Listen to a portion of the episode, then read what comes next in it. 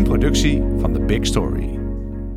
En dan krijg je bovendien reacties van mensen. Dat vond ik het mooiste wat er was. Dat vond ik raar van die papieren bladen waar je niks op terugkreeg. Ja, tegen papier kan je niet terugroepen. Dat is inderdaad waar.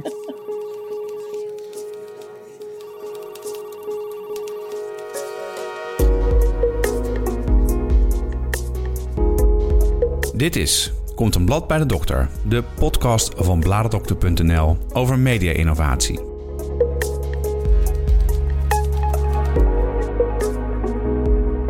Gesprek tussen Carolien Vader en social media expert Kirsten Jassies. Een gesprek over social media en bladen en nog heel veel meer.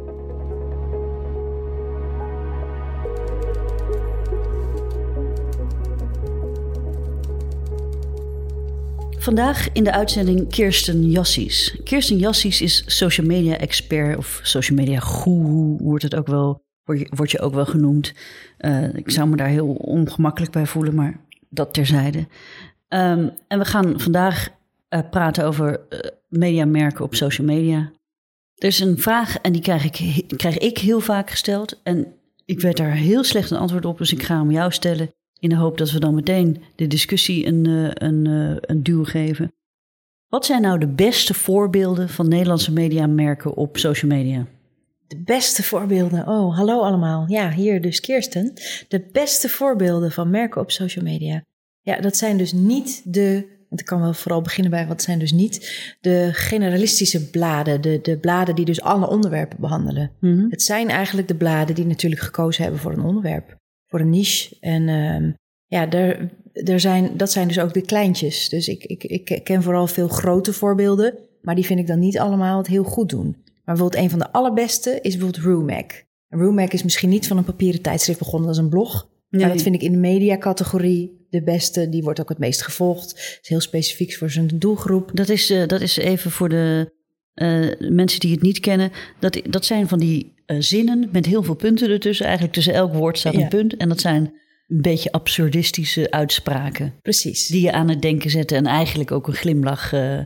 Het is een beetje kantoorhumor. Ja. Kan ik het zo zeggen? Ja, maar wel echt humor. Het is, ja, wel, het is, ja, het is alleen maar humor eigenlijk bijna. Het is heel geestig. Ja, ja. ze hebben ook vlogger uh, Nienke weten in te lijven. Die is zo grappig. En die hebben ze meteen snel al weten toen zij begon op Facebook met haar vlogs te... Oh, is dat Nienke met die grote glimlach? Ja, met die, die met die grote... Ja, met het Amsterdamse accent. Was ja. ze lekker uh, doorbabbelt de hele tijd in de vlogs. Ja, Zo. ik ken haar. Ja.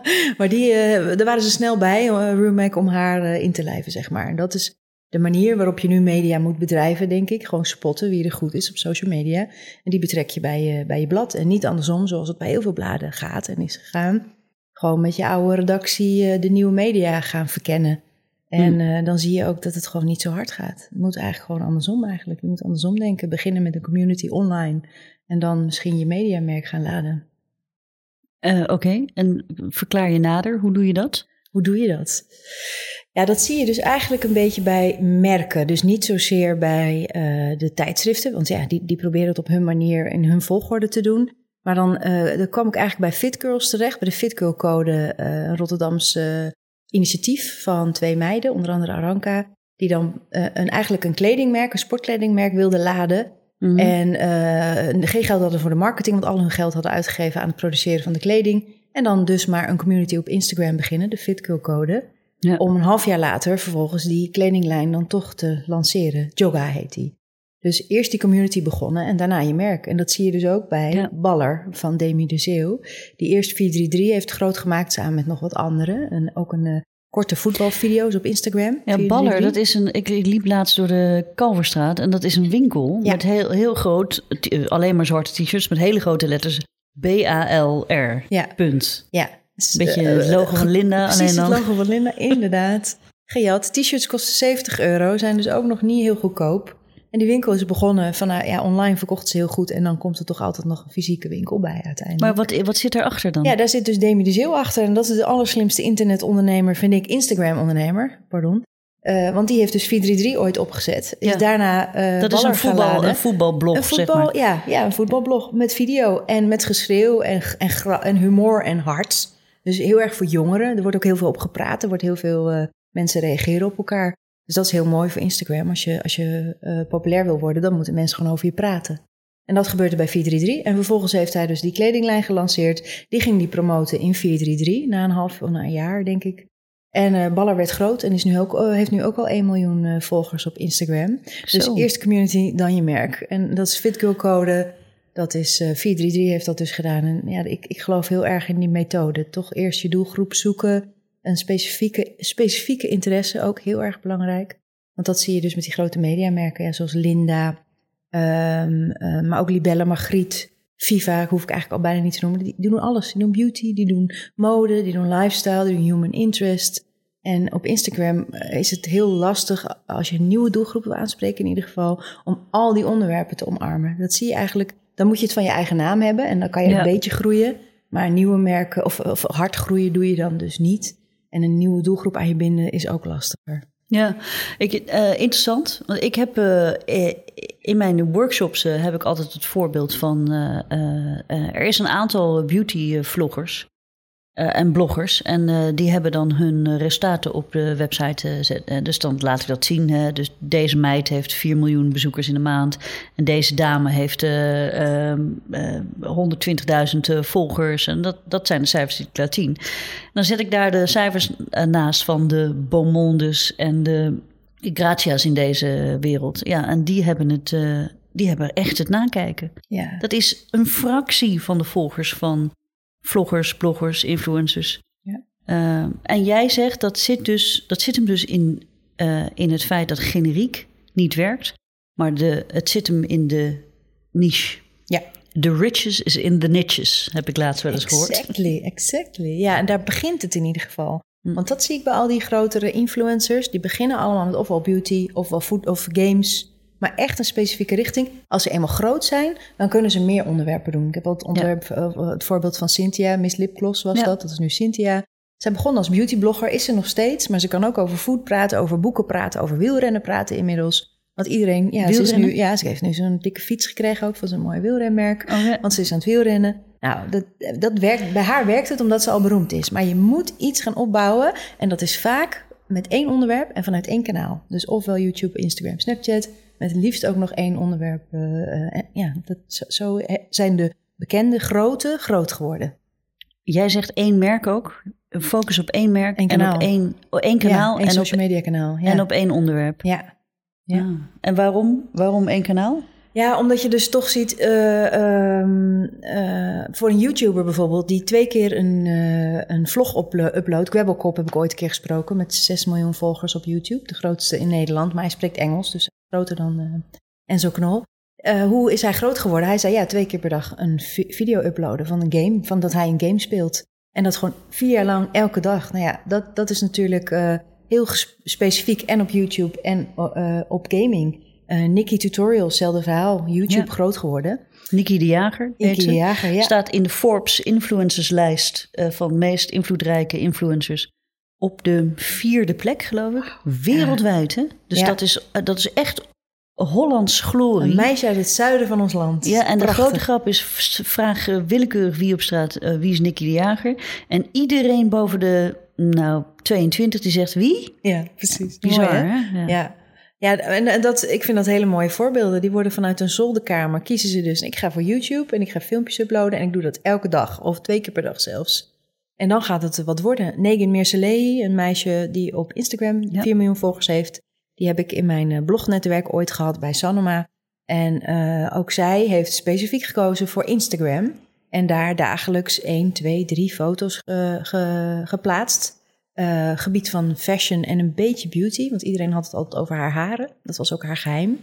Want ze wilde later een haarproduct lanceren. Dat heeft Hm. ze gedaan. Dus specifiek Instagram, focus op Instagram. En nu op alle kanalen. Hè? Want dat zie je ook bij Nikki en bij Enzo en bij... Als ze eenmaal groot zijn, dan gaan ze, zitten ze ook op alle andere kanalen. En daar hebben ze dan ook heel veel volgers. Ja. Maar ze komen wel vanuit één social media kanaal. Nou ken ik alleen niet zoveel Facebookers. Daar zat ik gisteren nog aan te denken. Ik ken Instagrammers, YouTubers, Snapchatters. Maar ik ken niet zoveel mensen die vanuit Facebook groot zijn geworden. Dus Ja, dat is een en- ander kanaal. Wat ik toch grappig vind, want Facebook is toch een soort ja, distributiekanaal. Hè? Ja. Eh, Facebook is natuurlijk heel belangrijk, zeker voor mediamerken, om Ja. te zorgen dat je je bereik eh, weet te behalen. Ja. Want directe traffic naar je site is nul. Eh, dat geldt voor iedereen. En daar heb je Facebook voor nodig. En daar gelden ook allerlei tovertrucs. Zoals targeting en verschillende keren posten natuurlijk. Vaak, heel vaak doen de mediamerken het. 17 tot 40 keer per dag zelfs. Ja, ja bizar. Bizar. Er zijn, wat wel grappig is, en dat ik ken dus wel een aantal goede Facebook-voorbeelden. en dat is bijvoorbeeld het mediamerk Now This. Het is dus niet Nederlands, het is een Amerikaans mediamerk. Now This is, maakt, gebruikt, heeft niet eens andere kanalen. Er is geen site, er is geen Twitter, er is geen LinkedIn, er is echt alleen maar een aanwezigheid op Facebook. Ze hebben wel verschillende verticals. Uh, dus er is een Now This over politiek en er is een Now This over uh, lifestyle en er is een Now This over sport en er is geloof ik zelfs een Now This over cannabis. Want de hele, over, om de hele discussie over legaliseren van cannabis echt een heel mooi te bundelen, zeg maar. Ja. En wat zij doen... Dus wel die verticals eigenlijk een beetje onder, als aparte kanalen onder de Nowdis? Of? Nee, nee, nee. Het zijn allemaal verschillende Facebook-accounts. Maar ze hebben allemaal dat logo Nowdis. Ja. En wat zij doen is, uh, is vooral inzet op video. Short social video. Dat zijn hele korte fragmenten van 30 seconden tot een minuut. Uh, waarin je heel snel gesneden beelden ziet. Met, met vooral veel titels eroverheen. Waar de context in wordt geduid. Logisch natuurlijk. 85% van Facebook-gebruikers zien video in hun tijdlijn direct afspelen zonder geluid. dus daar weten ze heel mooi op in te spelen. Alles uh, wat je gesproken is ondertiteld. Oh, de hele context wordt gegeven met. Het is eigenlijk een soort videostrip meer. Oh, ja, een soort stripverhaal met allemaal korte beeldjes, bewegende beelden achter elkaar. Dat klinkt ook heel erg als stories, maar uh, dat zit dus op Facebook. Nou, ja. ja. daar gaat het dus een beetje heen. Ja. ja. Het is, dat is wel een interessant voorbeeld. Dat vind ik nou echt een goede op uh, Facebook. Maar op Facebook, ik zit net te denken inderdaad dat jij zegt, ja, maar dit is weer een mediamerk. Dus ik bedoel inderdaad, de influencers, de mensen, die, die komen allemaal dus op de YouTubes, de Snapchats en de Instagrams. En alle mediamerken moeten tot nu toe nog hebben van Facebook eigenlijk. En dat is ook hun kanaal waar ze dan groot op geworden zijn. De, de Linda's, de Els, de Cosmo's. Ja. Dat zijn allemaal niet degenen die uitblinken op de andere kanalen, maar juist uh, Facebook nodig hebben voor de distributie. Uh, of voor de uh, traffic naar hun website. Dat is wel. Ah, ik weet nog wel trouwens één blogster die dat wel heeft hoor. Die ze heeft denk ik zo'n Nederlands meisje, wat, of een Mexicaans meisje wat in Nederland woont. Ja. Een grote. Garcia heet ze. Nee, een andere dame. Ik kom nog wel op de naam straks. Maar die heeft wel echt een paar miljoen Facebook-fans. Terwijl ik dat bij andere bloggers en vloggers.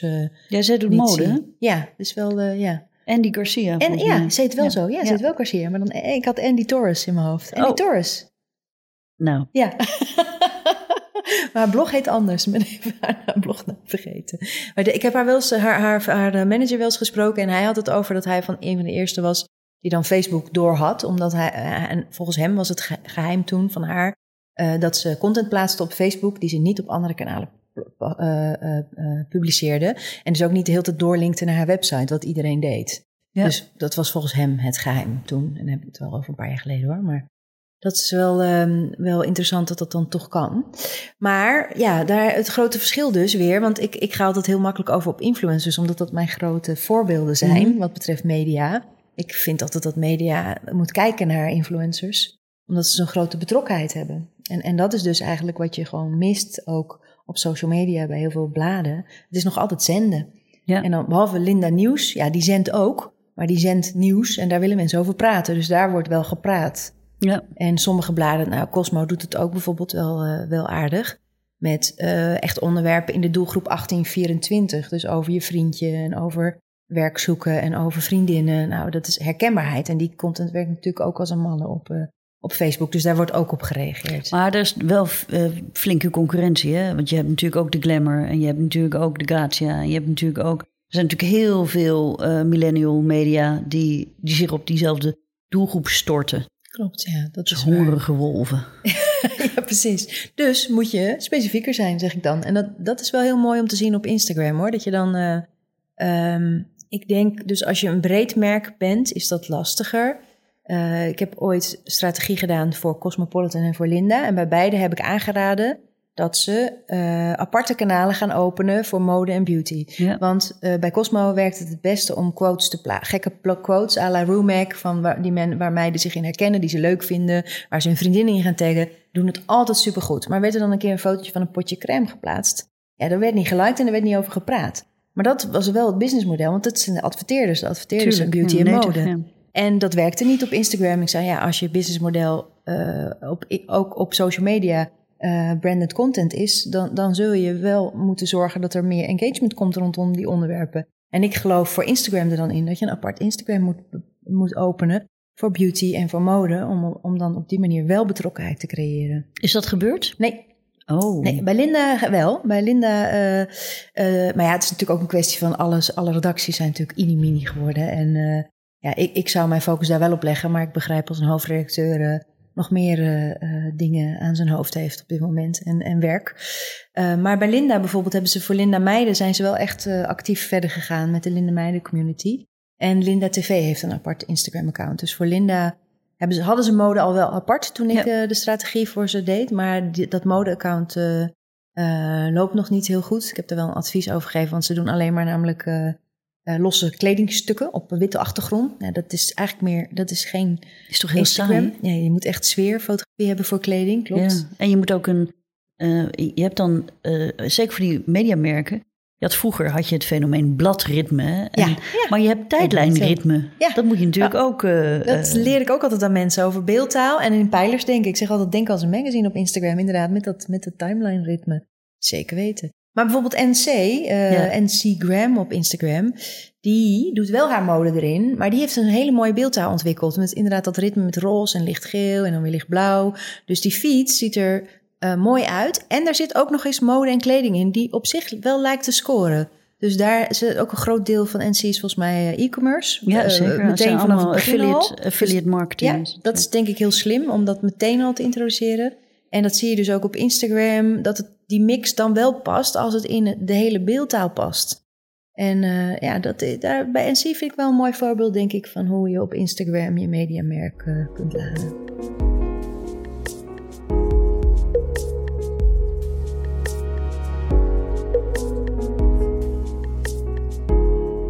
10 januari organiseert bladerdokter.nl voor de derde keer een masterclass speciaal voor bladermakers. Een masterclass over online uitgeven en een cross-mediale strategie.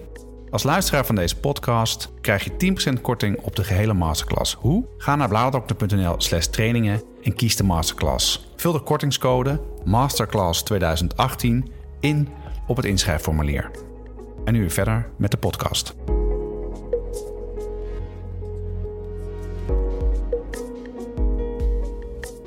Wat ik wel interessant vind, is dat eh, nieuwe mediamerken, die kunnen dat. Hè? Die pakken dat er meteen aan. En het lukt die oude mediamerken maar niet goed. Hè? Of de traditionele mediamerken of mediamerken die er al heel lang zijn. Wat is dat toch? Ja, wat is dat toch? Een hele goede vraag. Ehm, nou, ik heb bijvoorbeeld bij VT Wonen gewerkt. Daar heb ik ooit de Instagram opgezet. 2010, oktober 2010 kwam Instagram naar Nederland. In november had VT Wonen een account. Alle binnenkijkers gingen erop.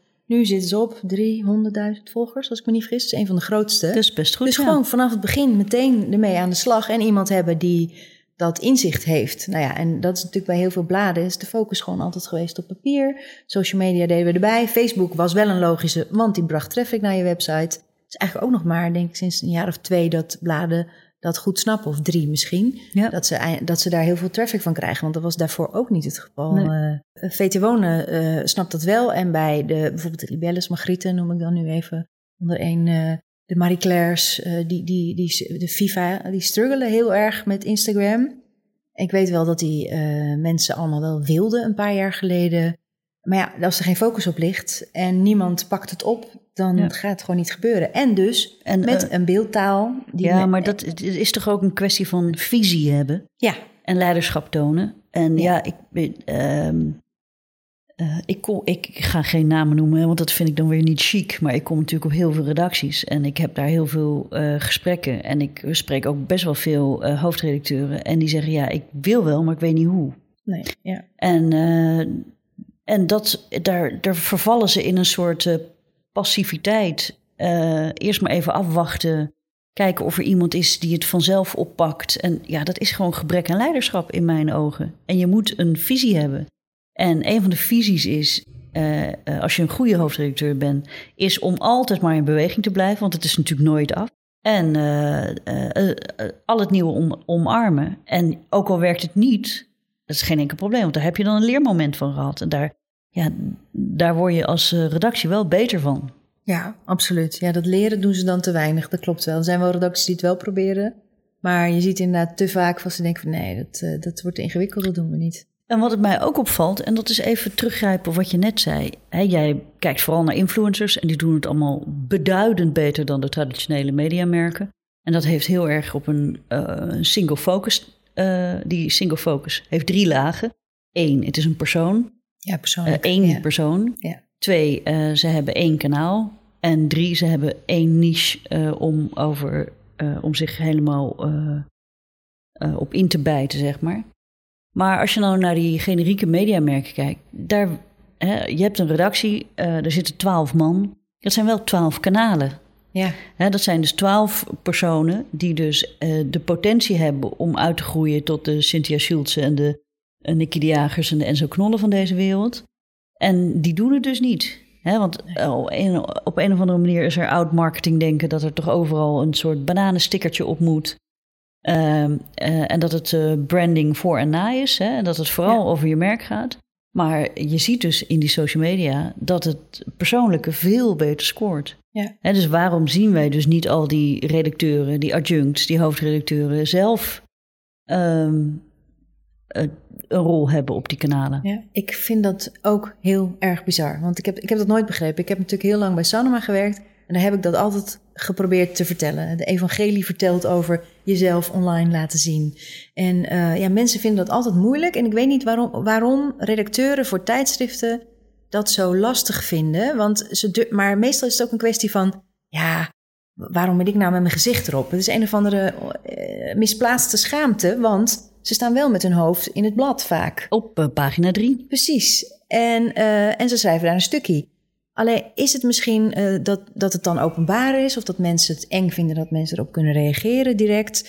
Uh, ik heb wel eens ooit met een libelle-columniste uh, een gesprek erover gehad, want ze had op de website werd haar column ook geplaatst, er konden reacties geplaatst worden. En op een gegeven moment zei ze: Doe die reacties alsjeblieft dicht, want dit is alleen maar een beerput met negatieve reacties. Ja. En, um, maar toen zei ik: van ja, maar dit is eigenlijk wel het mooiste wat je kunt hebben: dat mensen over, je, over jouw verhaal gaan praten. Wat wil je dan? Mag er niet op gereageerd worden? Hoe, wat, wat is het? Dat is engagement. Ja, ja, precies. En voor Facebook, nou, dat werkt als een tierenleer. Als je een standpunt durft in te nemen, oh ja. op elk social media.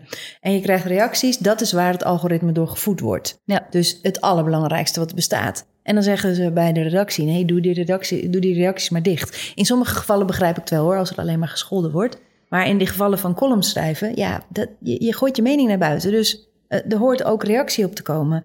Ja, en dan, en dan toch willen ze dat op een of andere manier niet. En uh, uh, ze vinden het, sommige mensen vinden het ook toch wel eng. Want ze staan wel in een blad met het column, maar ze denken toch nog van... ja, maar wat heb ik voor de rest nou eigenlijk te vertellen? Nou ja, je, je, uh, kijk, hoofdredacteur zijn is natuurlijk het leuk, de leukste baan op aarde. Ja.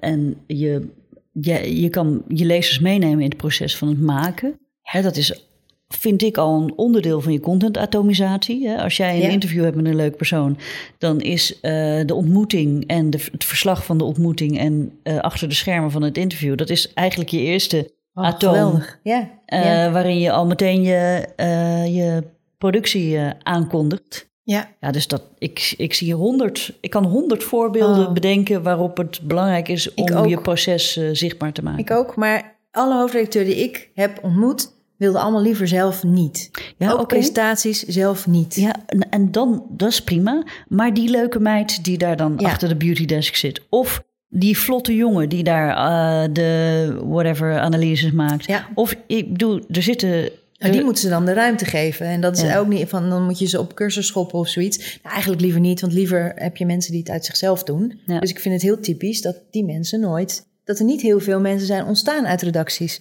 Ik weet nog wel, bij nu.nl werkte eh, Sabrina, als ik, me niet kan, als ik me niet vergis, die After Dark heeft opgericht. En Ja. nu heeft ze, een andere, heeft ze het anders genoemd hoor. Maar die, ja, die was dus eigenlijk al groot terwijl ze voor nu.nl nog stukjes schreef. Ja. En toen, dat vond ik al bijzonder. Dat ik dacht, hé, hey, hier heb je iemand in de hand die, die nu.nl heel erg zou kunnen helpen. Maar ze zagen het meer als een bedreiging, had ik het idee, dan dat het eh, Ja. elkaar kon versterken. Dus dat, dat is jammer, hè? Als je zo iemand in handen hebt, heb je goud in handen.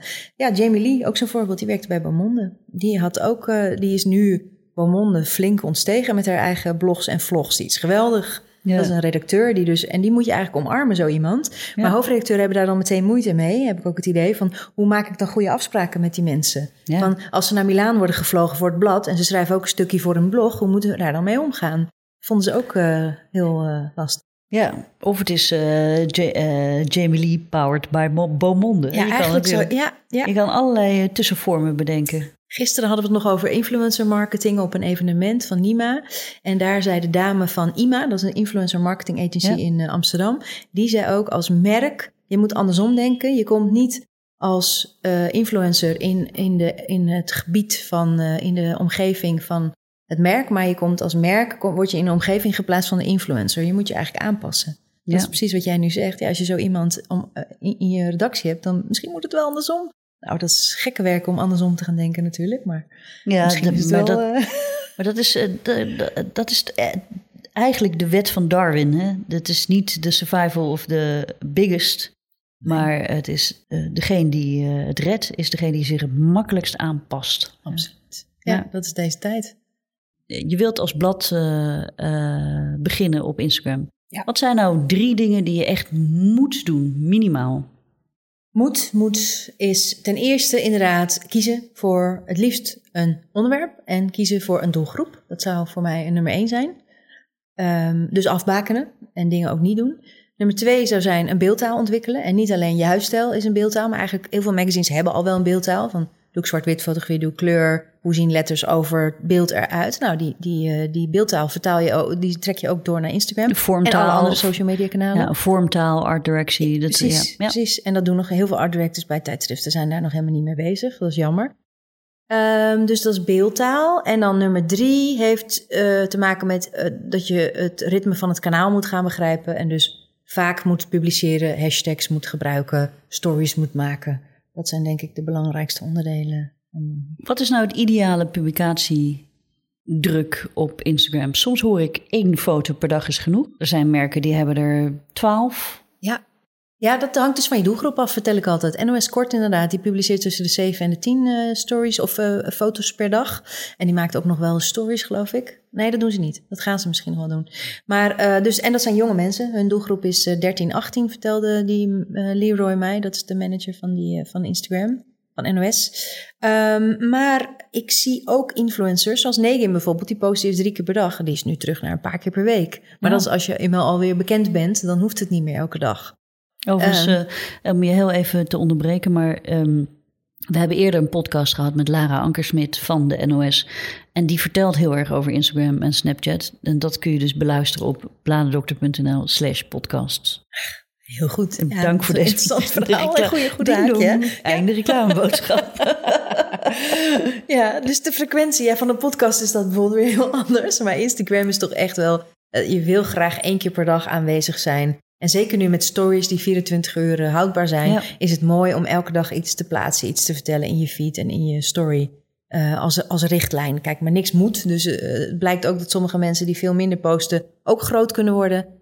Maar ja, als je je doelgroepritme aanhoudt... dan is één keer per dag wel een richtlijn. Heb je jonge doelgroep dan een paar keer per dag. Ja, en nog even voor de, voor de niet-ingewijden. Posten, dat is een, een, een- dan laat je een, een foto achter op je tijdlijn. En dat is echt publiceren. Hè. Die blijft daar voor altijd staan en die is ook terug te vinden. eh, als je dat goed indexeert met hashtags. Eh, stories, dat is een beetje wegwerpcontent. Dat, eh, die kun je erop zetten. Dat, zet je er, dat, zet je, dat is een ander. Hè, dat staat bovenaan in die cirkels. Ehm, daar plaats je een kort verhaaltje aan de hand van een, soort strip, hè, aan de hand van een aantal foto's of filmpjes. En daar laat je eigenlijk iets zien wat je meemaakt. Of een achter de schermen ding, of een, iets van het proces, een stukje sfeer, eh, een heel kort eh mini verhaaltje. Denk, hé, hey, kijk eens, ik heb mooie nieuwe gimpen. Of eh, ik zit hier op dit fantastische terras. Een beetje dat niveau. Of wij spreken nu, we zijn nu op reportage, dat soort dingen. En dat verdwijnt en dat zie je ook niet meer terug. Nee. En dat is heel sterk, omdat het kleine stukjes content zijn van het hier en nu. Dus als ik zeg, vertel dat als je een taart bakt, dat die mooie taart, die zet je in je, in je fotofeed op Instagram. En dan stories, een concept binnen een concept eigenlijk van Instagram. In je stories vertel je hoe je die taart maakt. Dus Ja. dat is eigenlijk de mooiste eh, aanvulling eh, voor de, om de betrokkenheid met je bestaande volgers eh, te vergroten, vertel ik altijd. Ja, en wat ik ook heel grappig zie, vind van die stories. Uh, stories, dat komt, komt natuurlijk een beetje uit, uh, uit Snapchat. Hè. Snapchat is daar heel groot mee geworden met die wegwerpcontent. Maar daar is eigenlijk ook een soort nieuwe beeldtaal van ontstaan. Want het is allemaal heel rauw. En het is ook allemaal een beetje. Het mag ook best een beetje bewogen zijn met een aantekening erop. Of wat tekst of een handgeschreven berichtje. Het, wordt het is toch een soort uh, ja, gefreubel, zeg maar. Maar dat maakt voor een hele rauwe, leuke wegwerptaal. En dat, daar hoef je je als uh, medium niet voor te schamen. Dat is juist de bedoeling. Ja. ja, dat is prachtig. Want heel veel mensen zeggen altijd... ja, maar dat is zo kinderachtig met die emojis en die stickers en tekenen. Maar dan moet je maar eens gaan kijken naar bepaalde merken... Uh, de fashionmerken lopen altijd een beetje voor daarin. Nou, ook ja. trouwens de Britse Folk heeft een heel leuke beeldtaal ontwikkeld. Maar de Monkey en de Urban Outfitters in die stories uh, gebruiken ze steeds leukere visuals. Dus dat tekenen en die, en die tekst erop, dat hoeft niet allemaal kinderachtig te zijn. Zitten ook echt, als je daar gewoon een art director of vormgever op loslaat, dan kun je daar hele leuke dingen uitkomen voor je beeldtaal. Ja, en je hoeft het ook niet, uh, je kunt ze ook uploaden. Ja, je kunt ze ook gewoon bewaren als je wil. En je kunt je story, dus als er meerdere. Nee, maar ik bedoel, je, je, je hoeft je foto's niet live te maken. Je kunt ze ook uh, uploaden, toch? In ja, stories. kan, klopt. Dus dat betekent dat er wel wat werk aan vooraf kan gaan. Ja, zeg maar. het kan wel alleen maar vanaf je eigen telefoon. Dat is het grote ja. nadeel. Of je moet een screenshot maken.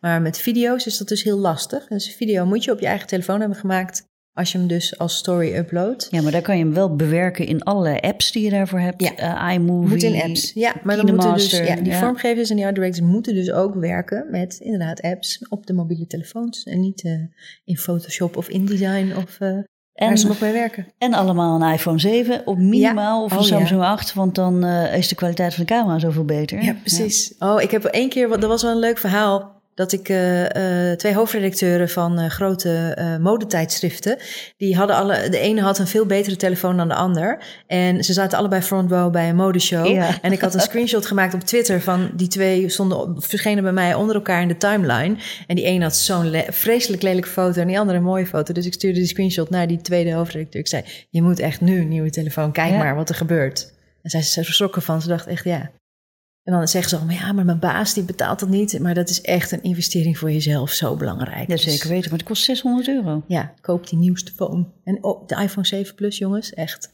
mooie foto's, niet normaal. Ja, ik heb gewoon een iPhone 7. Ja, de, de Samsung zal ook wel goed zijn hoor. Maar. Ja, ik, had een, uh, ik was voor een uh, mediamerk uh, Facebook Live aan het doen. En dat was een, een live evenement, maar daar was ook echt een cameraploeg ingehuurd om dat verslag te leggen. Uh, want dat werd gelivestreamd op een site. Yeah. Um, alleen je kon dat, via hun systeem konden we dat ook heel makkelijk doorprikken naar Facebook. Nou, en op een gegeven moment viel dat uit. dat, er ging iets niet goed, maar ja, dat was wel het laatste element uit. Dat moest nog gefacebook live worden. Dus ik ben daar gaan zitten met mijn telefoon. En niemand heeft het verschil gezien. Oh, ja. echt? Wauw. Dus, alleen, je ja, moet wel een statief kan. hebben ja, oh, en een precies. hele goede plek. Ja, ja. En, uh, ja, precies. Daarom wil ik altijd vooraan zitten, ook bij evenementen en zo. Want ik, moet, ik wil kunnen livestreamen. Nou ja, als je livestreamt moet je echt wel zorgen dat je perspectief heel goed is. Ja. Dat het niet held-hand is. Zeker niet rechtop, maar altijd landscape. Oh, daar ben ik niet mee eens. Oh, op... Altijd rechtop. Instagram, Snapchat. Het is altijd rechtop. Echt waar? Ja. Op Facebook ook heb ik laatst nog een keer gelivestreamd. Vroeg ik aan mijn achterban staand of liggend? Iedereen zei staand. We zitten op mobiel, dus we willen staand. Echt waar? Ja. Uh, ik doe de video uh, altijd nog wel landscape. Hoor. Ja, ik snap wel. Want als je hem draait en je kijkt hem op tv, dan komt hij heel mooi lekker groot. Of ook trouwens ja. op je mobiel. Maar bij de Instagrams en de Snapchats heeft het natuurlijk geen zin. Nou ja. Bij twijfel, lieve mensen, is het vierkant, een vierkant formaat. Ja. Altijd goed, hè? Ja, ja, precies. Hele grote mediamerken hebben ook al hun video's, short social video in vierkant formaat. Want dan kan je eigenlijk alle kanten op. Ja, en dan moet je wel alles in vierkant hebben. Want het is natuurlijk, ik heb wel eens een filmpje geprobeerd, geprobeerd te monteren. die en liggend en staand en vierkant was. Nou, en die heb ik op YouTube geüpload. Ziet er natuurlijk niet uit. Nee. Wil gewoon één formaat hebben van je, als dat een hele video is in ieder geval. Dat is de uitdaging van in deze tijd. Welk kanaal ga je het doen? Ja. Oh, dat is echt. Uh, nou, en dat snap ik dus wel, die uitdaging ook. Ik bedoel, ik ben hier dagelijks mee bezig om hierover na te denken. En een hoofdredacteur heeft een blad te maken, dus die denkt niet dagelijks na ja, over. Dus misschien zou er naast een hoofdredacteur, dat was altijd nog het idee, iemand moeten zijn die meer denkt in kanalen.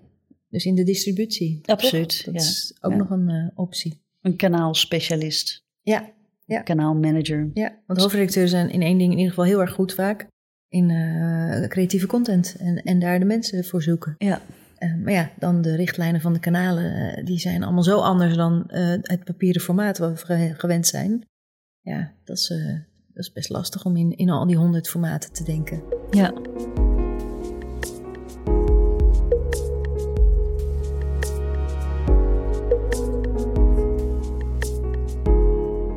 Nou hebben we het uitvoerig gehad over Instagram, uh, Snapchat, bladen op Snapchat. Ja, ja daar uh, was het ooit getriggerd bij mij, een jaar of drie geleden denk ik, of twee. Toen kwamen die uh, tijdschriften op, op Snapchat, de Amerikaanse in dit geval dan. Ja. dus de Cosmo, de Bus en dan ook de, de websites, dus de BuzzFeed, de Mashable, maar ook CNN, ook People Magazine inderdaad. En, en, dat is niet uh, op hun eigen account, maar die hadden echt een eigen plek onder de knop Discover... waar ze uh, op een hele nieuwe, vernieuwde manier konden publiceren... met hele korte visuele content. Ja, en met geluid. Ik vond, ik ja. vond het echt geweldig. Uh, het een soort eigenlijk... Je kan het je voorstellen als een soort cover van een tijdschrift. En dan voor elk artikel hadden ze dan een cover, maar dan een bewegende cover met geluid. En, uh, en soms was het niet alleen maar een aankondiging voor een artikel, soms was het ook gewoon een leuk dansje of een leuk grapje of een gifje. Ja. Dus, maar ik vond dat magazine 2.0, noemde ja. ik dat. Want, en 2.0 niet 3.0, want je kon er nog niet op reageren. Het was eigenlijk nog steeds alleen maar zenden. Maar ik vond het prachtig. Voor mij was dat uh, de nieuwe manier om tijdschriften te lezen, was dus eigenlijk die Snapchat-feature. Nou, en als je dat wil bekijken, en ik vind dat elke blademaker dat moet bekijken, uh, dus maak een account in Snapchat en, en druk op de knop, of vind de knop Discover. En daar heb je dus helaas alleen nog maar uh, Amerikaanse uh, voorbeelden. Maar Cosmo, Refinery 29, oh ja. het zijn het is genoeg keus om National te Geographic. ontdekken. Ja. Ja. National Ja. Geographic zelfs, ja. Ja. En die is een beetje saai. Die is een beetje saai. Ja, maar het is echt heel tof om te zien hoe dat... eh, dat is echt een evolutie. Ja. Ik vond het echt een, eh, een alsof een, de, de krokodil zijn staart afwierp... en op hoge poten als een soort eh, geschubde hond verder liep, zeg maar. Ja. dat is een mooie metafoor. ja. Dus ehm, ja, en, en, en dat zie je niet zo vaak, evolutie Nee. in dit vak. Het gaat allemaal Nee. zo langzaam. Dus Ja. ik vond het echt heel tof. Ja, ik heb daar was heel erg ook- mee gespeeld. Ja. Ik dacht ook, het is echt te gek. Maar ik struggelde wel met het feit, inderdaad, Snapchat pushte dat. En dan had je bijvoorbeeld dus de Amerikaanse Cosmo daar in eh, Discover. En de Nederlandse Cosmo had een eigen account. En heel veel mensen snapten niet zo goed het verschil, hoe dat nou zat en hoe dat... eh, Ja, en met een eigen account kan je natuurlijk niet zoveel. Hè? Dan kan je Nee, dus je fotootjes... die mooie dingen kon je niet je maken. kan daar dus eigenlijk alleen maar een beeldverhaaltje... of weer zo'n eh, contentstripje opladen. Een paar filmpjes, een paar fotootjes achter elkaar. Tien één dag geldig. Ja. Ja. Nee, dus dat is best wel lastig. En dan zag je ook, eh, ze gingen wel dingen uploaden die ze op een, in, misschien in Photoshop hebben gemaakt of iets anders. Dat zag ik. Dus het zag er wel iets mooier uit dan gewoon het tekenen eroverheen. Maar toch als leek en je kijkt naar Cosmo, dan weet je niet zo goed waar je naar zit te kijken. Wat dan het verschil is tussen die Discover en eh, Cosmo in je gewone timeline. Dat is ook heel lastig uit te leggen, merk ik nu al. Ja. Ehm, maar ik heb ook eh, van Cosmo gehoord dat ze die testen hebben gedaan, dat dat een hele goede test was met Snapchat. Daar heb ik het ook al wel, wel over ongeveer drie jaar geleden, twee, drie jaar geleden. Ehm, en ze zijn nu in Nederland, Cosmo Nederland, wel actief op Snapchat, maar niet super actief. Want ik zat ook al te zoeken naar Nederlandse voorbeelden op Snapchat. Ja, Maar, NOS, ehm, NOS ja, doet eh, ja. Snapchat, een soort nieuwsbericht. Maar dan heel, eh, ja, heel leuk ook. Ja, vind ik ook een leuk voorbeeld. Maar daar, ook, ook daar weer eh, vind ik dat de merken en sowieso de influencers en de fashion brands dus eigenlijk en de tech brands, dus de Mashable en de BuzzFeed, die snappen hoe ze dit soort content moeten maken. En dat ze die visuele content, dus beeldvullend zeg ik altijd, staand, Eh, zelf bewerken. eh, ja, het kan maar 10 seconden duren, dus de- je moet het echt in. Als je bijvoorbeeld een interview doet op Snapchat, dat is echt een uitdaging. Ja. Dan moet je tien- de vraag stellen en dat is één snap. En snap 2 is het antwoord binnen 10 seconden. En dan snap 3 is weer een vraag. Ja. Dus dan moet je heel erg over dat format nadenken. Dat is echt. En je moet eigenlijk tussendoor publiceren. Dat hoeft gelukkig nu niet meer, omdat je bewaarfunctie hebt. Maar ja, eigenlijk is het wel de bedoeling dat je in het hier en nu die content maakt en meteen publiceert. Eh, en het mag ook allemaal lekker rauw. En het mag ook allemaal. eh, en wat dat betreft is het ook de ideale eh, speeltuin voor de nieuwsgierige blademaker die dit wil ontdekken. En zelfs ook probeert met zijn eigen stories en snaps. En ja, dan, als het er dan niet uitziet, dat is niet erg, want het ziet er bij niemand uit, jongens. Het en ziet het is, en het is na 24 uur weer verdwenen. Nou, dus ik, heb, ik ken best wel wat mooie stories inmiddels hoor. Ik ben Ja, echt al fan. wel, ja. Er zijn mensen die het helemaal begrijpen met de mooie pijltjes en de neonkleurtjes. En de, eh, nou ja, sowieso als je een mooie foto maakt en daar een eh, leuke emoji op zet. Of een, een, een, eh, een, je hebt nu van hele leuke stickers met maandag, dinsdag, woensdag. Ziet er prachtig uit. Ja, ik ben, maar het is wel eens een beetje stripachtig. Dat vind ik wel een goede vergelijking. Ja. Ja. Een beetje strip maken is het. Maar ik vind het echt, stories zijn voor mij... Nou, dus door Snapchat eigenlijk dat magazine model en nu stories, ook op Instagram... Dat is voor mij de nieuwe content. Hm. En ik denk dat, dat inderdaad alle mediamerken daar echt aan moeten. Ik heb ook gehoord dat Linda zich gaat focussen op Instagram en Insta-stories het komende Ja. jaar. En ik geloof, ik geloof er heilig in dat in ieder geval de jonge doelgroep... Ik heb al wel gehoord van mensen, ik geef les op Amfi, de Hogeschool van Amsterdam... dat die alleen nog maar stories kijken. Ja. En ik zag laatst een blogger in stories eh, een beetje zo roepen van... jongens, leuk stories, maar ik heb ook nog een gewone eh, eh, feed op Instagram hoor. Dat, dat mensen erop moeten wijzen dat je ook Ja. nog fotootjes plaatst. Terwijl eigenlijk doet het er al niet meer toe. Dus in principe is het allemaal dezelfde technologie die, die Facebook Inc. eh, zowel op Facebook als op Instagram als op WhatsApp heeft geïntroduceerd. Ja. Het is niet dat je één story maakt die je meteen op al die eh, eh, drie de kanalen Gaat wel komen, laten. denk ik hoor. Want Ja. Instagram en Facebook gaan zo naar elkaar toe. Dat moet wel. En Instagram is mobiel, daar moet je rekening mee houden. Al die knoppen die in Facebook zitten, er zijn er echt veel te veel natuurlijk. Maar die, wil je ook, die willen ze dan ook in Instagram brengen. En omdat het een klein schermpje is, moet het allemaal stap voor stap eh, veranderd worden. Anders Ja. worden we helemaal gek, denk ik. Maar nu is er al elke week een verandering op Instagram gaande. En goede content blijft goede content, hè? Je moet je alleen aan de voorwaarden van zo'n kanaal eh, vorm, eh, dat? Vormen. Dus ja, dat, dat, dat is het enige wat je moet doen. Maar als je goede contentmaker bent, dan Ja. zou het in principe op elk kanaal moeten kunnen. En naar je data kijken. Ja, Eh, is- en ja, naar je data ja. kijken, omdat eh, de, de gebruikersdata geven je inzichten in wat wel werkt en wat niet werkt. Dan kun je zelf wel je eigen buikgevoel op loslaten, maar die data geeft je daarmee een ontzettende eh, hulp. Omdat ja, je zelf aan je engagement kunt zien of het werkt of niet. Ja. ik vind zo'n mooi voorbeeld dan, de- wat dus tegen het buikgevoel werkt, is dat je heel veel gaat herhalen. Dat doe je niet. In een tijdschrift denk je, nee, maar vorig jaar hebben we dat huis er al in gehad, kunnen we niet dit jaar weer dat huis erin zetten? Kan niet. Op Instagram daarentegen Ja. zijn er allemaal eh interieurstylisten en bloggers groot geworden met hun eigen huis. Met elke week weer datzelfde hoekje of een variatie op dat hoekje. En die groeien en die groeien.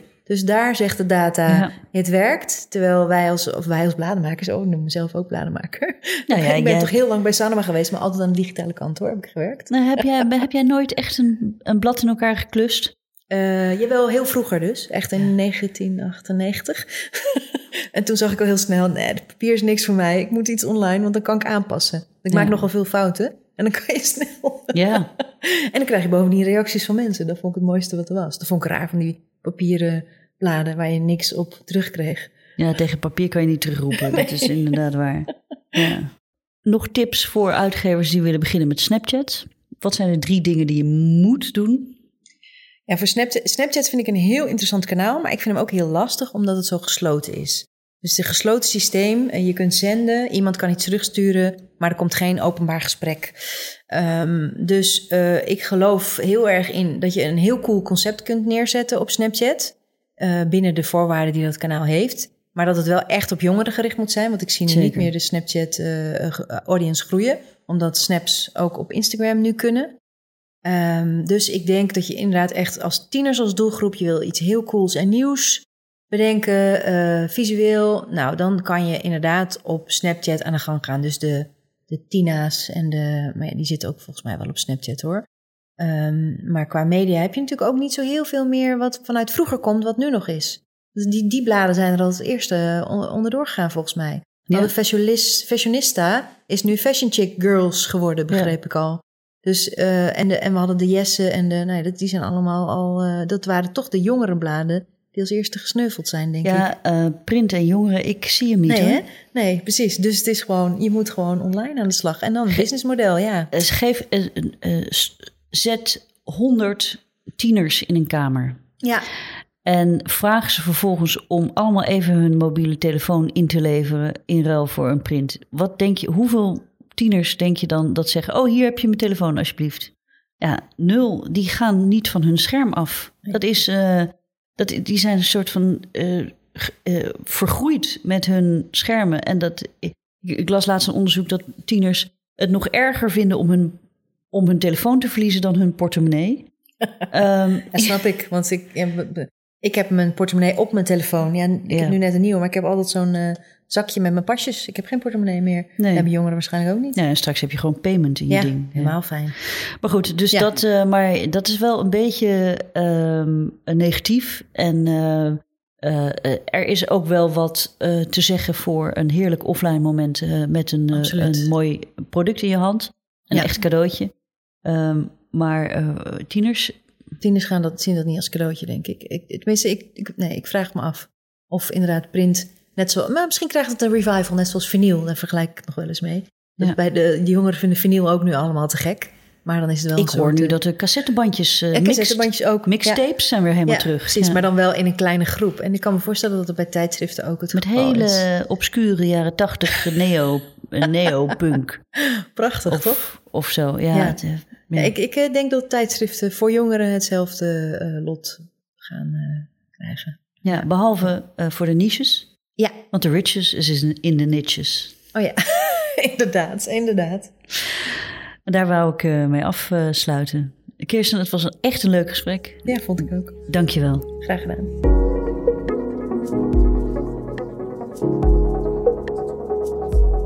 Dit was Komt een blad bij de dokter, de podcast van bladerdokter.nl over media-innovatie. Wil je nu meer afleveringen luisteren of meer gesprekken luisteren tussen hoofdrolspelers in de mediawereld in Nederland? Abonneer dan op Apple Podcast of bezoek bladerdokter.nl. Onze podcasts zijn ook te luisteren op het expertnetwerk van BNR. Bedankt voor het luisteren en tot een volgende keer.